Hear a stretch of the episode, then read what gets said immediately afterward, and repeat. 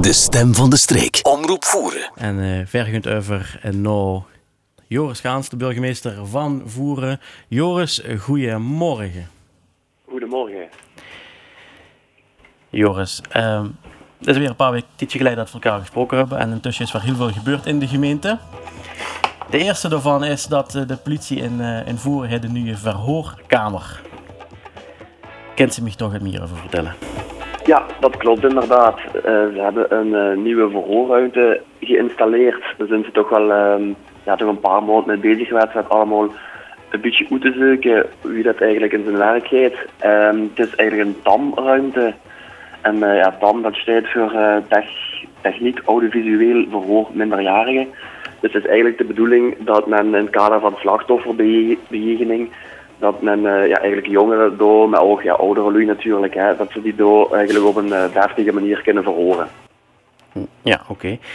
Um, ja, ik ben niet uitvoeren zelf. Hè. Um, dus misschien is het een beetje een rare vraag, maar als ik uh, huur en voeren, een verhoorkamer, denk is dat wel nuttig? Is er zoveel in voeren hoe er een verhoorkamer voor nuttig is? -hmm. Ja, dat is een heel terechte vraag. En ik heb die vraag zelf ook gesteld. Want het toch, toch, een, uh, toch wel een serieuze investering wat we hebben moeten doen. Maar ja, anderzijds, op dit moment is het zo dat uh, ja, de inspecteurs immer toe uh, en dan zeker de dienst recherche, dat die immer toe naar een ander lokaal moeten, gewoon ergens in Limburg. En ze zullen dan eigenlijk wel gemakkelijk een, een, een halve dag van een ganse dag tweet, inclusief de verplaatsing, om nou dat tamlokaal te gewoon in een ander politiekantoor. Dus op dat vlak is het wel, um, is het wel nuttig. Hè? Dus ze besparen zich toch wel een hele rit.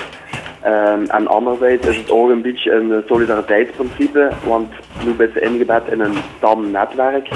En andere politie-inspecteurs van andere zones die mogen eigenlijk ook gebruik maken van de ruimte die Veren ter beschikking hebben. Dus het, heeft eigenlijk wel meerdere doelen. Het is niet enkel voor onze eigen politiezone, maar ook andere politiezones uh, kunnen er gebruik van maken net zoals Veer ook geregeld uh, gebruik maken van middelen en andere van andere politiezones. Dus het is ook een beetje ja, een kwestie van solidariteit, maar ook zeker voor de eigen werking te verbeteren. Ja, precies. Dat mag het al wel duidelijker inderdaad. Dan uh, is er nog een vraag. De afgelopen dagen wordt het uh, hier in de Berwien een penibele situatie. Um, uiteindelijk hebben we gelukkig daar niks meer mee te maken gehad. Maar wat uh, moet er eigenlijk nog allemaal gebeuren? Uh, met de Berwin uh, veronderstel ik ja, inderdaad ja. wordt een, uh, een, een, een, ja, een urgente situatie. Maar gelukkig, hè, natuurlijk voor Ikkerij, van Voeren en natuurlijk specifiek van Moelingen, is de Berwin toch ja, binnen, de, de oevers gebleven. ja, vooral berichten gekregen en Ikkerij zou dat eigenlijk in de opvolging misschien wel interessant om mee te geven. Dat is een website, waterinfo.be. Um, dat is een website van de Vlaamse overheid en daar kunnen ze eigenlijk uh, ja, opzoeken wat de voorspellingen zijn van het gebied van de Berlijn. En um, dat, uh, die status die stond op urgent, uh, waarmee bedoeld wordt dat er wel een kans wordt dat er zoveel neerslag zou vallen, uh, stroomopwaarts, dat de Berlijn wel uit zijn oevers zou kunnen treden. Um, en ja, naar aanleiding van die voorspellingen voor ja, de nodige maatregelen getroffen om toch uh, zandzakjes en dergelijke aan te voeren. De brandweer wordt ook uh, paraat. En ze worden de situatie heel nauw aan het opvolgen om eigenlijk ja, op, ja, uh, de, de maatregelen te nemen in Moelingen zelf als uh, Berlijn toch zou, zou overstromen. Maar gelukkig is het niet zoiets gekomen. Zouden er nog werken moeten uitgevoerd worden om te voorkomen stel dat het nog eens zou gebeuren om te voorkomen dat uh, Moelingen onder water loopt?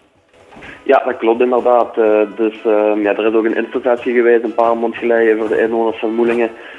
Waarbij dat we ja, meer informatie hebben gegeven over de werken die begin volgend jaar, dus begin 2022, heeft de Vlaamse Milieumaatschappij ons althans beloofd dat we dan toch eindelijk zouden beginnen met de plaatselijke verdieping, maar vooral eigenlijk de verbreding van de Berlijn in de dorpskern over een bepaald traject. En dan moet het eigenlijk toelaten dat de kleinere overstromingen, dat die niet dus de meest uh, frequente overstromingen, dat die niet meer zouden voorkomen. Dus um, er gaat nu eigenlijk een groter gebied door de Berlijn kennen.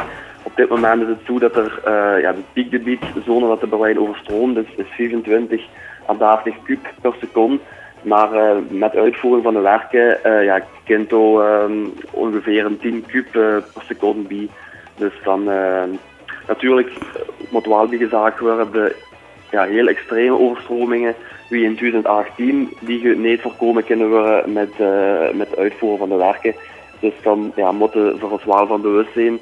Uh, dat zijn overstromingen die normaal eigenlijk één keer in de 30, 40 jaar voorkomen. En daarover dat de Vlaamse Milieumaatschappij ook nog naast de verbreding van de Berlijn ook eigenlijk um, ja, maatregelen of een soort van fiche heeft opgesteld per woning. Uh, welke maatregelen het eigenlijk hoe is eigenlijk in nummer om het uh, ja, deuren en dergelijke eigenlijk zo goed mogelijk te beveiligen dat er geen water kunt instromen als er toch een overstroming zou zijn. Ja, en ik veronderstel dat dat ook met de bewonersvermoedingen gecommuniceerd werd. In die hoes moet dit gebeuren en in dat hoes moet dat gebeuren. Ja, inderdaad. Er worden um, ja, een gespecialiseerde ja, werknemer is eigenlijk uh, hoes per hoes uh, afgelopen en die heeft eigenlijk in samenspraak met de inwoners een fiche opgesteld welke maatregelen op maat van het hoes dat die lui eigenlijk kunnen nemen. Fijn. Goed, dan heb ik nog één vraag. Uh, de status van de vaccinatie invoeren, kun je me toch wat over zeggen? Um, ja, dat, uh, ja, de cijfers uh, beginnen, beginnen eindigend erg te trekken, moet te zeggen. uh, nee, maar um, we hebben natuurlijk nu al een viertal vaccinatiemomenten achter de rug. Die gaan die ons iemand de deur op zaterdag.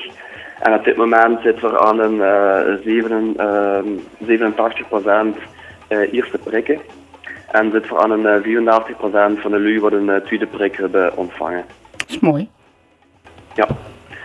Dat, uh, ja, dat is, uh, ja, het zijn, het mooie cijfers, maar het zou nog uh, ja, beter mogen, hoop ik. En volgende week zaterdag is een volgend vaccinatiemoment. En dan zijn het eigenlijk de laatste jongeren aan de beurt die dan opgeroepen worden voor een eerste prik. En het zijn dan jongeren tussen de 18 en de 21. En dan is er uiteindelijk de kans gehad om een eerste prik te ontvangen. En dan uh, zullen het eigenlijk uitsluitend nog maar, uh, nog maar tweede prikken wat toegediend zullen, zullen worden. En het laatste moment is op 14 augustus. Oké. Okay. Goed, fijn. Bij deze bedanken we u uh, voor het interview. Voor de, de uitleg wat je ons gegeven hebt. Dankjewel, burgemeester Gaans. Tot de volgende keer. Fijne dag. Fijne dag. dag.